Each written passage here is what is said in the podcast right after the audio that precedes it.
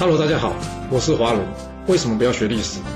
因为学历史会让你了解到顶层阶级的思考方式，成为他们的竞争者，所以他不希望你去学。还有学历史会让你看到许多前人成功及失败的案例，你的竞争对手想要好好的睡个觉，所以他也不希望你去学。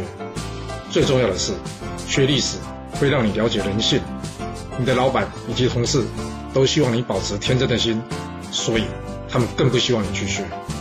就是因为这些原因，接下来我要跟你说的是故事，而不是历史。今天主题是找到自己的价值，死的也可以说成活的。我们今天还是要说春秋时期晋文公的故事，而这故事呢，也是我觉得非常有趣的一段。话说这晋文公啊，好不容易回到晋国成为国君啊，但是治理国家可没有那么简单啊，不是当上国君就安稳了。他底下难免会有些反对势力啊，而这反对势力呢，又以之前前国君所留下的两位大臣细瑞以及吕医生作为代表。要知道，这两人虽然之前背叛自己的国君，向晋文公开城投降，某种程度上算对晋文公有功劳，但也就因为这两个人是个背信忘义的人啊，所以对他们来说，他们会不会担心晋文公来个秋后算账啊？有一这担心害怕的种子啊，在他们心里不断的发芽茁壮啊。结果呢，这晋文公还没想对这两人动手啊，他们两个竟然怎么样？想要再次密谋造反，杀这晋文公。那既然要杀人，就得派出可靠的杀手了。那得选谁呢？嗯，有了，有个叫做伯堤的将军啊。之前他两次奉命去杀这晋文公，虽然都失败了，不过这晋文公很恨他。他们想。这伯堤呢，一定也希望这晋文公死掉，所以私底下联络着伯堤，提出他们要暗杀晋文公的计划。果然，这伯堤也爽快的答应他们了。不过，这剧情呢，却不是像我们想的一样啊。这剧情急转直下，这伯堤呢，并没有去暗杀晋文公，而是拿着消息呢，去见晋文公。晋文公一听到，哈，伯堤自己找上门来，哦，我想杀他找不到他，想不到他自己送上门来耶。虽然晋文公很想杀这伯堤啊，但在一旁大臣建议下呢，他还是按耐住他的怒火，先来见这伯堤啊。伯堤先是帮自己说明了，自己两次去杀这晋文公都是奉命而行，他不过是忠心呢执行当时晋国国君的命令，所以他自己并没有做错事啊，并且呢，他拿出管仲曾经暗杀齐桓公，齐桓公最后呢仍旧不念旧恶接受管仲的例子，希望晋文公能接受他，最后。他告诉晋文公啊，要是他能原谅他的话呢，他有能保住晋国安全的方法。诶，怎么就跑出了能保护晋国安全这样结论呢？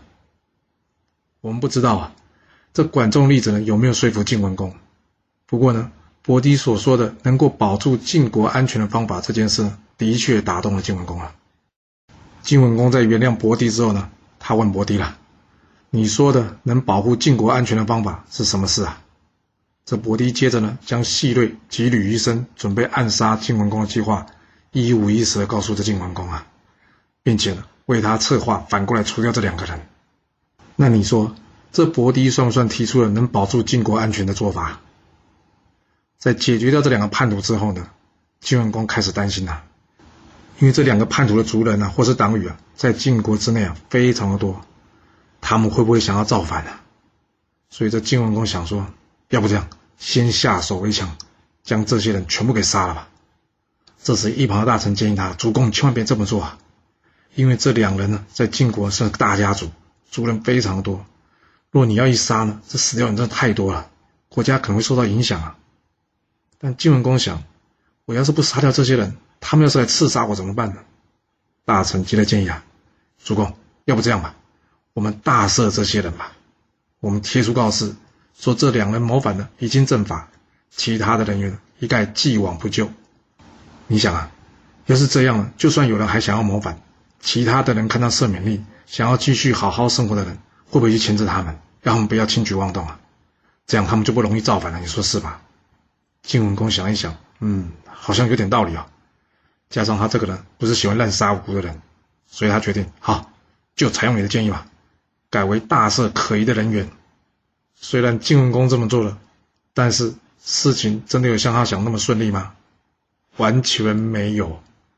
所谓做贼心虚啊，这些有可能有罪嫌的人心里是想的啊，这一定是晋文公的计谋，他是在找机会要将大家各个击破，所以呢，他们还是要怎么样，先下手为强。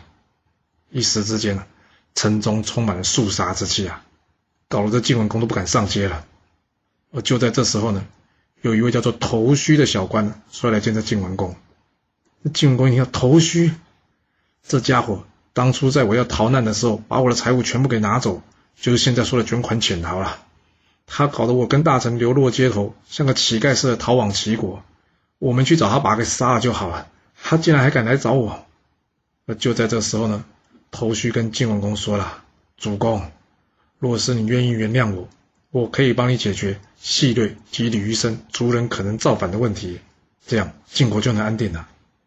晋文公一听，嗯，你有办法能解决这些人想要造反的问题？于是他按耐住性子，让头须把话说完。头须接着说：“主公啊，大家都知道，以前帮你驾车还有照顾你生活起居的人是我嘛。”晋文公点头，有点不耐烦，说是，继续说。头须再接着说啊。全国人民也都知道我捐款潜逃，搞得你流落街头这件事啊。晋文公说：“是，你不会就是来提醒我这件事，要我杀了你吧？”头绪说：“哎，当然不会啦。我是想说啊，既然你很想杀了我，全国都知道，要是你同意赦免我的罪，然后我们假装说你要巡视城中，让我再次帮你驾车，你想，大家要是看到我再次帮你驾车，大家会有多惊讶？”啊？这一下子，你赦免我的事一定会口耳相传，让全城的人都知道。一旦全城的民众都知道，我这个犯了死罪的人呢，都能得到你的赦免。那你说，那些没犯罪，只是担心你会秋后算账，想要造反的人，他还会造反吗？还有需要造反吗？这晋文公一听，哎，这计划妙哎，于是立刻照办。他按照头须的建议呢，让头须驾车。带他到城中去巡逻一下，之后他还加码，让这头须呢继续之前的工作。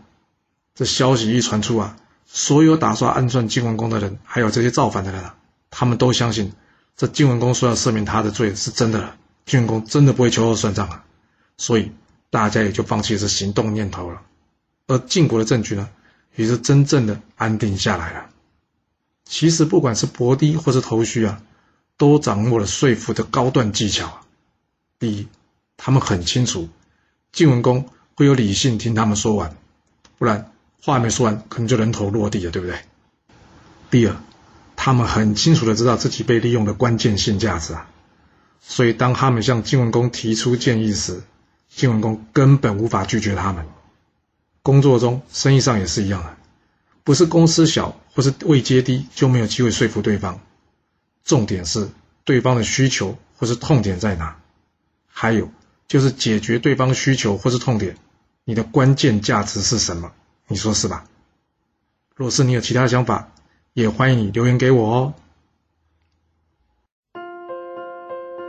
好啦，我们今天先说到这。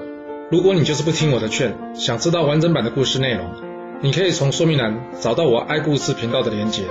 不过记住哦，你是来听故事的。而不是来学历史的。要是您喜欢这个频道，麻烦您动动您的手指，追踪、留言，或是给我五星评价的支持以及分享。谢谢您来收听，我们下次再见。